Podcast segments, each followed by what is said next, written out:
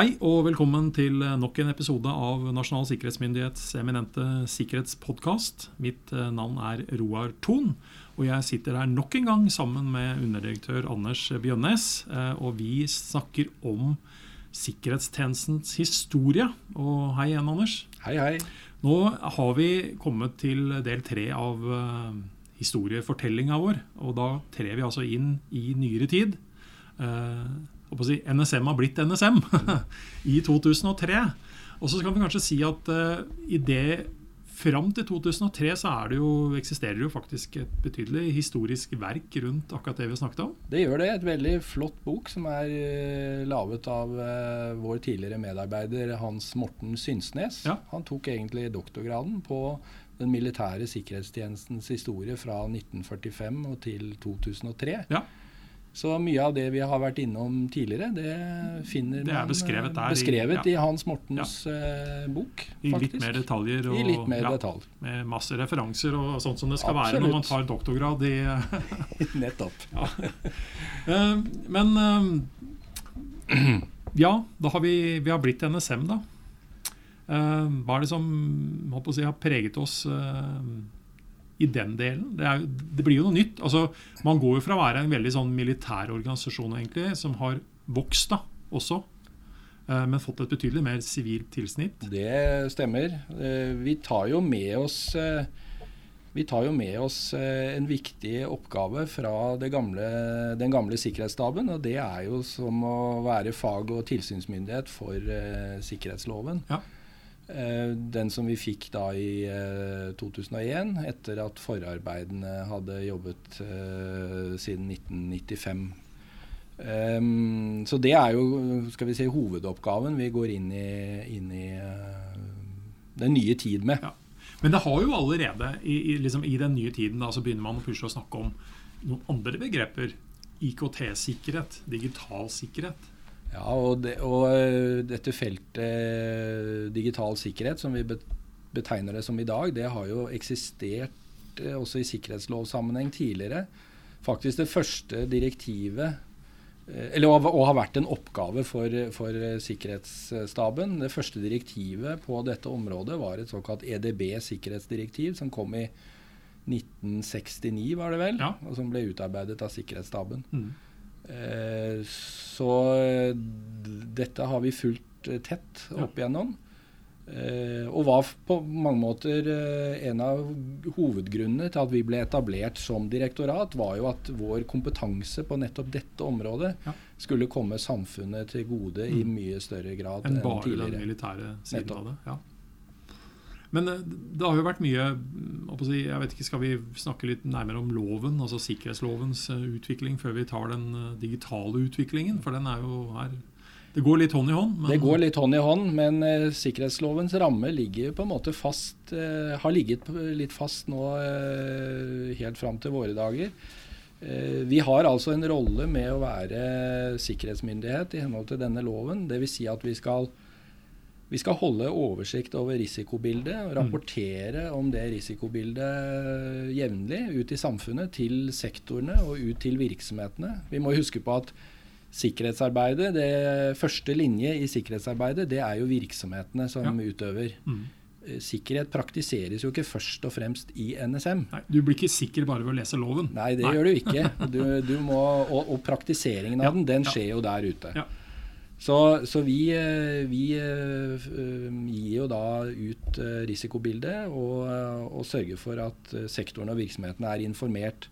Og så skal vi jo i tråd med den teknologiske utviklingen, så skal vi jo utvikle nye sikkerhetstiltak. Mm.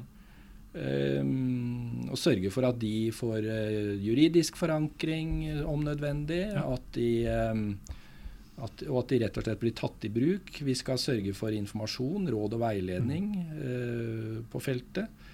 Eh, En annen ting å si her er jo at altså, vi, vi, vi, dette er noe vi har snakket veldig mye om i tidligere podkastepisoder, og jeg kommer stadig tilbake til det. Og, og snakke om at dette ikke bare handler om teknologi. Det handler om altså, mennesker, det handler om prosesser, og det handler om teknologi. det gjør det. Og det er på alle de tre aspektene vi nå snakker om, altså hvor vi har våre oppgaver. Det har vi, og vi, det er veldig viktig at du sier det, fordi disse tingene henger jo også sammen. Ja. Uh, og det, ute i virksomhetene så henger det i hvert fall sammen. Så selv om vi her sentralt kan se litt på dette isolert, Ja. i, i våre avdelinger og i våre seksjoner og enheter, så må vi huske på at ute i virksomhetene så vil dette alltid henge sammen. For kunsten er jo å greie å sy dette sammen til noe som faktisk lar seg gjennomføre. Nettopp. Fordi altså, man kan sitte og argumentere for 100% innenfor personellsikkerhet og 100 innenfor teknologisk sikkerhet, men resultatet av det er en organisasjon som vil ha store problemer med å fungere i Antagelig. virkeligheten. Altså sånn satt på spissen. da. Antagelig. Ja. Eh, Så man må jo altså finne balansegangen her mellom liv og lære. Ja. Og så er det, er, men så er det noen beslutninger da, som må fattes eh, sentralt. Ja. Eh, Fordi eh, det er faktisk bare i NSM at man har den kompetansen som skal til for å fatte den type beslutninger. Mm. Eller det er bare i NSM at man har informasjonen som er tilgjengelig. Ja. Altså Det kan være såpass sensitivt. Så loven og forskriften legger jo opp til at enkelte vurderinger, klareringer, godkjenninger eh, faktisk må skje i NSM. Ja. Um, og det, sånn har det vært hele tiden, Mm. og, og, og sånn er det fortsatt. Men, men samtidig så har jo vært igjennom en sånn altså, modernisering i forhold til altså, både prosesser og sånn rundt dette her også, selv om altså Uh, Ja. uh, Ja, Vi var jo så vidt inne på dette objektsikkerhetsområdet, som Ja. jo startet egentlig med tre veldig korte paragrafer i loven i, da den kom mm, i 2001, men som endte opp med en mye bredere fremstilling i loven i 2011. Ehm, det er ett område. Et annet område som har vært gjenstand for eh, revisjon, da, eh, det er eh, personellsikkerhetsområdet. Ja. Eh, vi hadde en ganske stor utredning her på midten av 2000-tallet, eh, og som da resulterte i en betydelig oppmykning av, eh, av personellsikkerhetsbestemmelsene. Ja. Eh, for å ta høyde for en mer globalisert ja, ja, uten tvil. Jeg jobbet jo med de sakene. Du husker jo da, det godt, ja, Roar. Helt klart. helt klart. Mm. Så, men men det, det var altså nødvendig, fordi at uh, lovverket er kanskje noe av det siste som endres i takt med både samfunnsutvikling og teknologisk Ja. utvikling, men, men det er ekstremt viktig å ha lover som faktisk gjenspeiler den situasjonen man befinner seg i. Absolutt. Uh, Men gjennomføre særskilt kontroll av sikkerhetstiltak på anmodning, hva, hva legger vi i sånne, sånne begreper? Ja, Det er jo et knippe med litt spesielle tiltak, som da kun NSM eh, Eller i utgangspunktet er det NSM Ja. som gjør dette. Ja. Eh, og det er det såkalt inntrengingstesting i Ja. datasystemer. Mm. Altså rett og slett eh, sette oss i fiendens sted og prøve å mm, Bryte oss inn. bryte oss inn og finne ut av hvor, hvor god er sikkerheten egentlig Mm. i en virksomhet. Ja. Um, det er ett felt. Og så driver vi med tekniske sikkerhetsundersøkelser for å avdekke sårbarheter i forhold til avlytting. Ja. Og det er også noe NSM er satt til å gjøre. Eh, Så det er to sånne Ja. eksempler på kontrolltiltak. det, dette er jo, må jo sies å være høyt spesialiserte tjenester. Absolutt. eh, som Helt i også til, til en viss grad gjennomføres på, overfor spesielle både objekter og på steder. Ja. Eh, så ja. Og selvfølgelig med, med stor grad av eh, altså hensyntagen til den enkeltes rettssikkerhet. Da, Ja. og, og eh, dette skjer jo på anmodning fra virksomhetene, eksempelvis. Og når det gjelder inntrengingstesting, så må jo personellet i virksomheten som blir forsøkt inntrengt, Ja. eh, må jo også være klar over på forhånd at dette eller skal være informert om at dette kan skje. Ja, og så er det, må det sies at eh, den teknologiske kompetansen som trengs her på mange av disse områdene, er, den er enorm. Altså, eh, man kan alltid irritere seg litt over eh, den fiksjone delen av verden hvor håper å si, James Bond går rundt med en bitte liten søker for å leite etter eh, avlyttingsutstyret på hotellrommet. Eh, har, man, har man eh, sett og hørt litt annerledes på dette her, så vet man at det er et betydelig mer nitidig arbeid som skal til for å Absolutt. sikre seg mot den type ting. Det er det. Det, er det. Eh, Men vi er tilsynsmyndighet òg, og det har jo også vært en eh, litt sånn altså, eh, ongoing diskusjon. Fordi vi er både premissettere på veldig mange ting, og vi utøver en del ting. Og så har vi samtidig tilsynsrollen. Det, det har vi, og vi har vel eksempler andre steder i samfunnet hvor man har delt disse funksjonene. altså Hvor man har en fagmyndighet som legger forholdene til rette, men som ikke samtidig er tilsynsmyndighet. Altså Det er et annet organ som bedriver tilsyn. Men eh, vi skal vel huske at på dette området her så er det små kompetansemiljøer. Eh, vi er, i- foreløpig så er vi vel ikke i den situasjonen at det har vært særlig aktuelt. Nei. Men vi har nylig hatt en episode på dette med sektorbasert tilsyn, som er en konsekvens av den nye sikkerhetsloven, hvor, hvor altså de respektive sektorene da beslutter hvem som også skal drive tilsyn på noe av disse tingene her eh, innenfor sin egen sektor. Ja, og Da er du inne på den, eh, den siste store endringen på sikkerhetslovsområdet. Den som, den som startet med Tråvik-utvalgets eh, store offentlige utredning. Ja.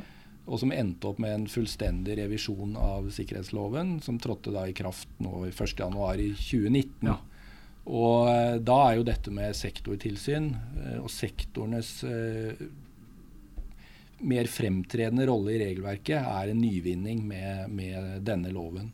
Altså For meg så gjøres sektorene betydelig mer ansvarlig overfor dette i sin egen sektor. Og det, Som ikke bare handler om tilsyn, men rett og slett ja. Og det er helt riktig. Og det, det, det er nok eh, bestemt eh, lovgivers intensjon. At Ja. det er sånn det skal oppfattes. Mm. Og så er det jo en del ting som fortsatt gjenstår da, som en konsekvens av sikkerhetsloven. Og det er jo da utpekingen av altså, grunnleggende nasjonale funksjoner og disse altså, ulike begrepene som man Ja. fortsatt ikke er i 100 i mål med. Nei, for loven introduserer jo et, eh, en helt ny systematikk knyttet til utpeking av hva som er skjermingsverdig. Ja. Altså hva som er skjermingsverdige verdier. Og det starter egentlig med en ganske viktig prosess som pågår i samfunnet nå. Og Mm. det er eh, under styring av det enkelte departement. Og det er rett og slett utpeking av hva er det som er eh, så viktig for oss at vi kan sette merkelappen grunnleggende nasjonal funksjon på Ja. det. Og har man først gjort det, så følger det en rekke andre rekke, konsekvenser av det. Og dette er kanskje den største nyvinningen på sikkerhetslovsfeltet på veldig mange år. Ja, for, fordi kan du si, Konsekvensen av dette er betydelig større for den delen som ikke sånn sett har vært en altså, normalt del av sikkerhetslovens altså, virkeområde. Eh, altså Mer tradisjonelle områder som si, politi og forsvar vil sannsynligvis ikke ha så store endringer som, som en del andre tilbydere innenfor ulike sektorer. Det er nok en en stor konsekvens ute på det, i det sivile samfunn, og Ja. kanskje først og fremst ute i, i næringslivet. Mm. Uh, men reflekterer igjen noe Ja. vi har vært inne på i, i begge de foregående mm, programmene. Ja. eh, at eh, vi har et totalforsvar i Norge. Og Det betyr at både sivile samfunnet og det private næringsliv må også ha en rolle inn i eh, beskyttelsen av det, det som er aller viktigst for oss. Og det gjenspeiler også igjen bruken vår av teknologi. Nettopp. Altså rett og slett digitaliseringen av samfunnet. Og da kommer vi kanskje egentlig litt over til altså dette med digital sikkerhet. da. Eh, som eh, må jo si har vært et enormt vekstområde for oss som organisasjon. Det, det har det. Og eh, dette er, gir absolutt grunnlag for refleksjon. Eh, for utgangspunktet her er jo at uh, hvis vi tenker regler og ansvar, så er feltet ganske fragmentert. Ja. Altså det er mange lover og regler som har bestemmelser som, uh, om, eh, om digital sikkerhet. Uh, men, men dette er altså fragmentert. Eller i utgangspunktet var dette veldig fragmentert. Mm. Og det ble nok forsøkt samordnet allerede fra 90-tallet. Um, med at man ga et eh, politisk ansvar til et departement eh, for å følge opp informasjonssikkerheten. Man etablerte noen eh, samordningsmekanismer, noen fora. Man hadde noe som het Rådet for IT-sikkerhet, Mm. f.eks. Eh, som senere gikk over til å bli Koordineringsutvalget for informasjonssikkerhet. Um, man iverksatte eh, en, del, en del eh, tiltak eh, med utgangspunkt i dette rådet. Sertifisering kom på banen. Eh, man fikk en, første gang en nasjonal kryptopolitikk, også med utgangspunkt i, i dette rådet for informasjonssikkerhet. Men det at vi fikk internett, Det er den bærende ja, ble på en måte Der, der startet på en måte revolusjonen, da. Hva skal man si? En fantastisk eh, altså, Et fantastisk framskritt, men samtidig en arena for skadelig aktivitet. Ikke sant. Og det så jo eh, disse EOS-tjenestene, altså Etterretningstjenesten, eh, overvåkingstjenesten og, og sikkerhetstjenesten, så jo dette allerede på 90-tallet. Eh, og med sine mandater så var man jo interessert i å se ja, hva, hva betyr det egentlig for samfunnssikkerheten. Hva Mm. betyr det for nasjonal sikkerhet? Fordi, altså, sånn Oppsummert altså, blir jo fort tankegangen at ok, vi har jo noen da som også er interessert i å samle informasjon. Ja. Og de har som sånn sett jobb å, å tenke på det. Hva, hva kan de da gjøre for å gjøre det på en god måte? ja. Og ut ifra det så får man fort også tanken om ja, når, hvis vi tenker sånn, så er det andre som tenker sånn. Og da, hvordan skal vi da beskytte oss mot, ja. mot den type aktiviteter? Ja, og så så man jo saker eh, etter hvert. da. Man eh, fikk jo den såkalte Morris-ormen. Ja. Eh, altså en del sånn spektakulære saker som ble slått opp i media. 1998 så dukket selveste Datasatan opp, kalte Dagbladet. Ja. Det var en portskanner som skanna etter åpne porter rundt omkring. og Det var det mye av. og ja, man hadde, man, man hadde tatt det i bruk, og så hadde man kanskje ikke fullt og helt tenkt på hva konsekvensene var. Nei, og da eh, så tenkte vel EOS-tjenesten at dette må vi gjøre noe med. Og så etablerte man egentlig et varslingssystem Mm. for digital infrastruktur. Ja. Eh, som VDI, kunne. VDI, ja. Som kunne gi eh, altså myndighetene et eh, varsel Mm. og mulighet for å verifisere hva som skjer. Ja. Eh, og til å begynne med, de første årene, så lå vel dette i overvåkingstjenesten. Men eh, i 2003, da når vi ble etablert som direktorat, Mm. så besluttet tjenesten å flytte det over til oss. Ja. Så siden 2003 så har vi hatt ansvaret for VDI. Og det har på en måte vært eh, grunnplanken Ja. i eh, vår satsing på datasikkerhet, også utenfor sikkerhetslovsdomenet, Ja. som vi kaller det. men, men- og der, der tror jeg at man sånn sett gjorde et smart valg. fordi eh, hvis man ser da på alt som skrives og gjøres og menes rundt, altså hvordan, hva slags mekanismer har vi skal, skal på plass i samfunnet for å sikre oss, så ble dette flyttet til den eneste tjenesten som sånn sett ikke har som oppgave å, å løpe etter noen, arrestere noen. altså i, I den forstand at Nei, vi er jo ikke et politi. Vi er eh, egentlig heller ikke en etterretningstjeneste. Men vi er altså en sikkerhetstjeneste som skal gi råd. Ja, og vi, vi skal Eh, kort og godt forebygge. Og vi skal Ja, forebygge. ja. Og, og et annet moment der er jo at vi har også en lang tradisjon med kontakt ut i det sivile samfunn og ut mot næringslivet. Eh, For vi skal jo huske at VDI-samarbeidet det består jo også av en rekke næringslivsvirksomheter og offentlige virksomheter som da eh, stiller sine Ja. internettforbindelser til rådighet. ja. Og lar oss få etablere sensorer på de forbindelsene. Og den, er, den er jo i ekstrem grad basert på tillit og åpenhet rundt altså, prosessen. Så, så, så, sånn sett er VDI en egentlig planlagt eh, episode i seg selv å snakke om, Ja. for det skjer mye på den fronten framover også. Men eh, når man da fikk VDI til NSM i 2003 som konsekvensen av opprettelsen av NSM, så um, skjedde det jo noe annet bare året etterpå, fordi da kom det egentlig et slags tilsvar på det som hadde skjedd litt rundt omkring andre steder i verden også. Ja, og da, da så vi jo det at eh, de, de dataene som vi fikk gjennom VDI, de eh, måtte vi jo kunne gjenbruke til gode råd. Til, eh, til å kunne bistå virksomheter hvis Mm. de ble rammet. Ja. Eh, og vi fikk også en rekke henvendelser eh, inn til VDI da, fra internasjonale eh, aktører Mm. eh, som så at eh, det var IP-adresser i Norge som var på en måte utgangspunktet for eh, Eller ble brukt Ja. i angrep mot dem selv. Mm. Og de trengte rett og slett hjelp for å få Ja. disse stengt ned. Og hva gjør Norge med Og det? hva gjør Norge med det? Ja. Jo, da, da, da tenkte vi da må vi ha et felles punkt. Ja. Ehm, for å kunne håndtere det nasjonalt. Så da etablerte vi rett og slett et NorCERT, et norsk nasjonalt CERT, som en prøveordning uh, i NSM i 2004. Ja. Og det, det var jo da sånn sett den nasjonale CERT-en, og de aller fleste land i dag har jo da altså Man bruker dette begrepet litt eh, sånn om hverandre, men de aller fleste har et, et felles nasjonalt kontaktpunkt. Altså igjen, For å bare forklare det, CERT altså står for altså Computer Emergency Response Team. Eh, Så vi vil finne våre på mange måter ekvivalente i en US-CERT, en UK-CERT og en altså, ja. Det vil vi, og så er det visse forskjeller mellom land her. Uten noen tvil, ja. land har på samme måte som oss ett punkt. Andre land kan ha flere. Ja. og Det har litt med den historiske har organisert seg, tradisjon ja. og hvordan teknologien er. og i det hele tatt, øh, Det er forskjeller mellom landene.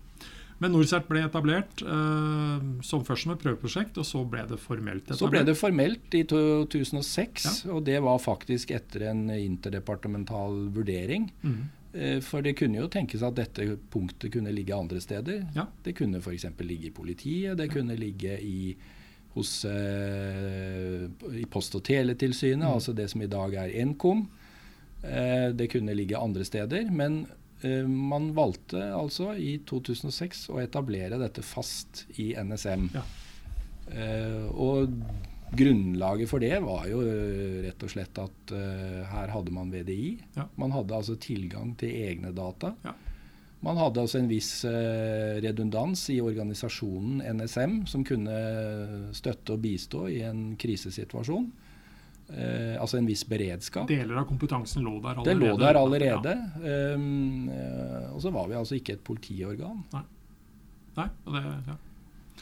Um, og så skjer det jo sånn gradvis ting utover. Altså, det, det, det har jo vært en reise i, i altså, Fra den organisasjonen jeg startet i 2003, både i forhold til størrelse, kompleksitet og oppgaver, har det jo endra seg betydelig mye på de årene. Betydelig reise. Og eh, ikke minst på det operative feltet. Altså man har jo erfart saker. Man har gitt bistand, Ja. man har koordinert hendelsene. Altså hendelseshåndteringen. Mm. Eh, og man har hatt eh, Ja, og i tillegg til hendelseshåndteringen så har man også hatt øvelser. Ja. Eh, første store nasjonale digitale øvelsen var vel i eh, 2008, Mm. så vidt jeg husker. IKT 08. Ja.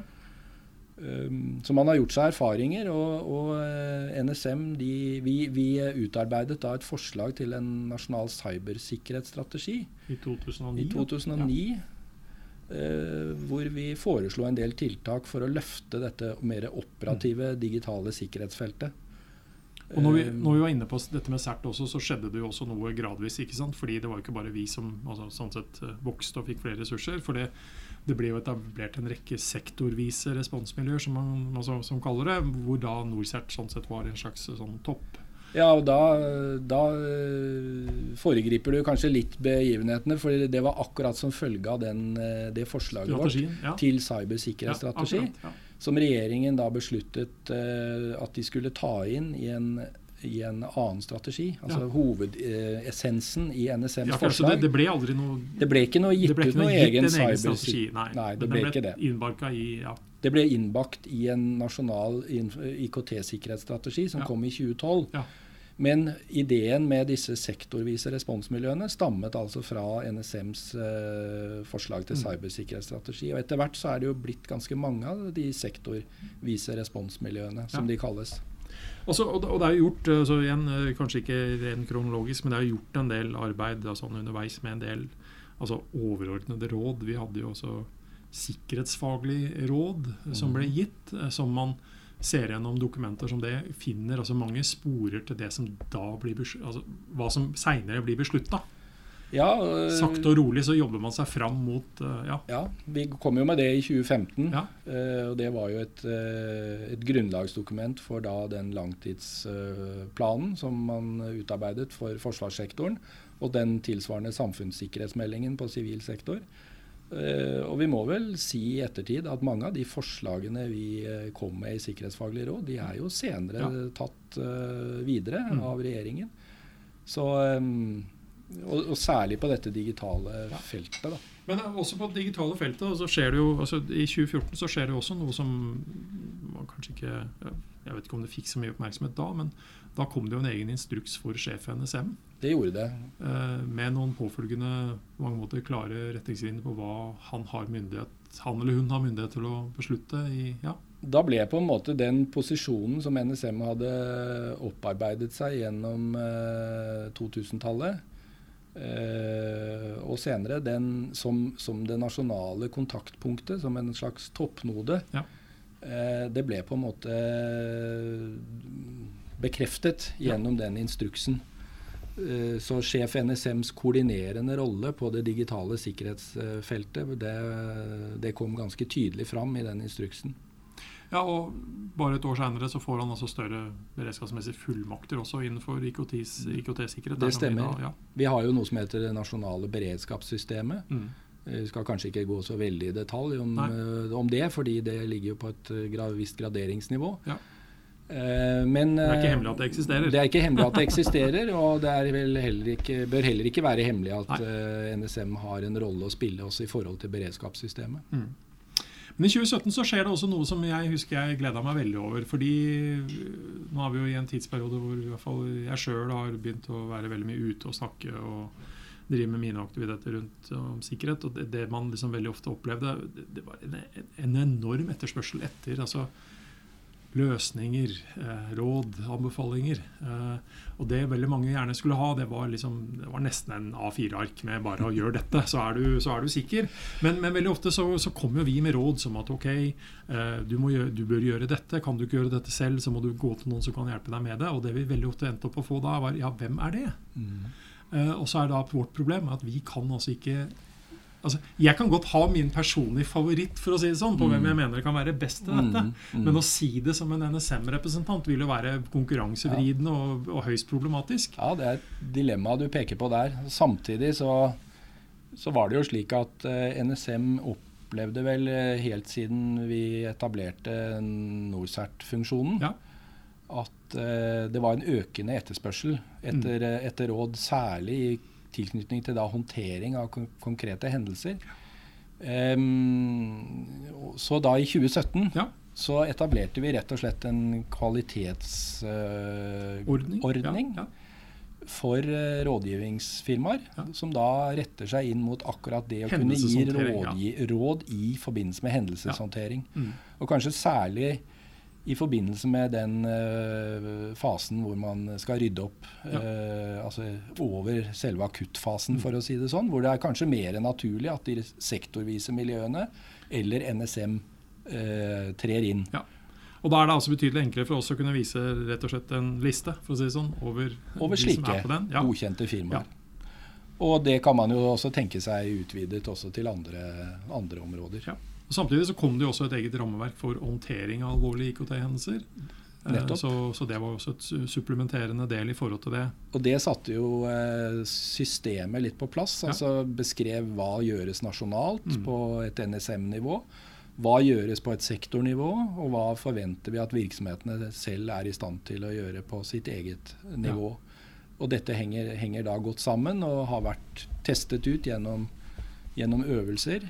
IKT Nei, IKT16, eller het det Digital 16? Det er jeg ja, sannelig ikke sikker på.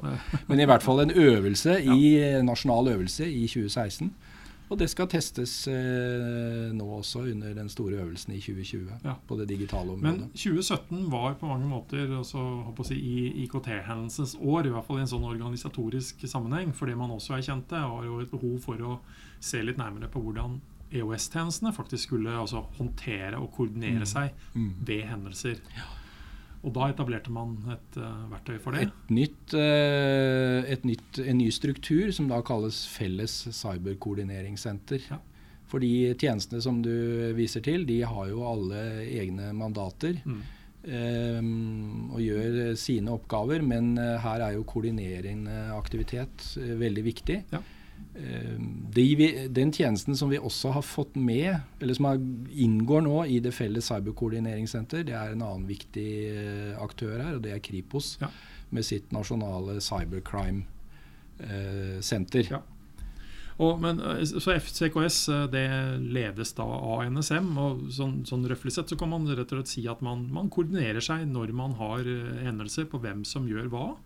Og også sånn sett se litt nærmere på er, dette, er det en ren politisak? Er det en sak for nettopp EOS-tjenestene? Altså det, det, er, det, er, noen spor som må gås opp her. Det er noen spor ja. Eh, som må gås opp, og så er det vel slik at det er i mange saker så er det en, som, en av tjenestene må være i lead, da, ja. som vi kaller det. Ja. Og så vil jo de andre støtte den tjenesten ja. som er i, i lead. Men Også, da, da, har man gode mekanismer rundt ja. det å beslutte hvem som skal være i lead. Og så må det sies at det er ikke enhver sak og hendelse som tas opp, og, tas opp til diskusjon det eh, på, på det, det nivået. Nei, det er det ikke.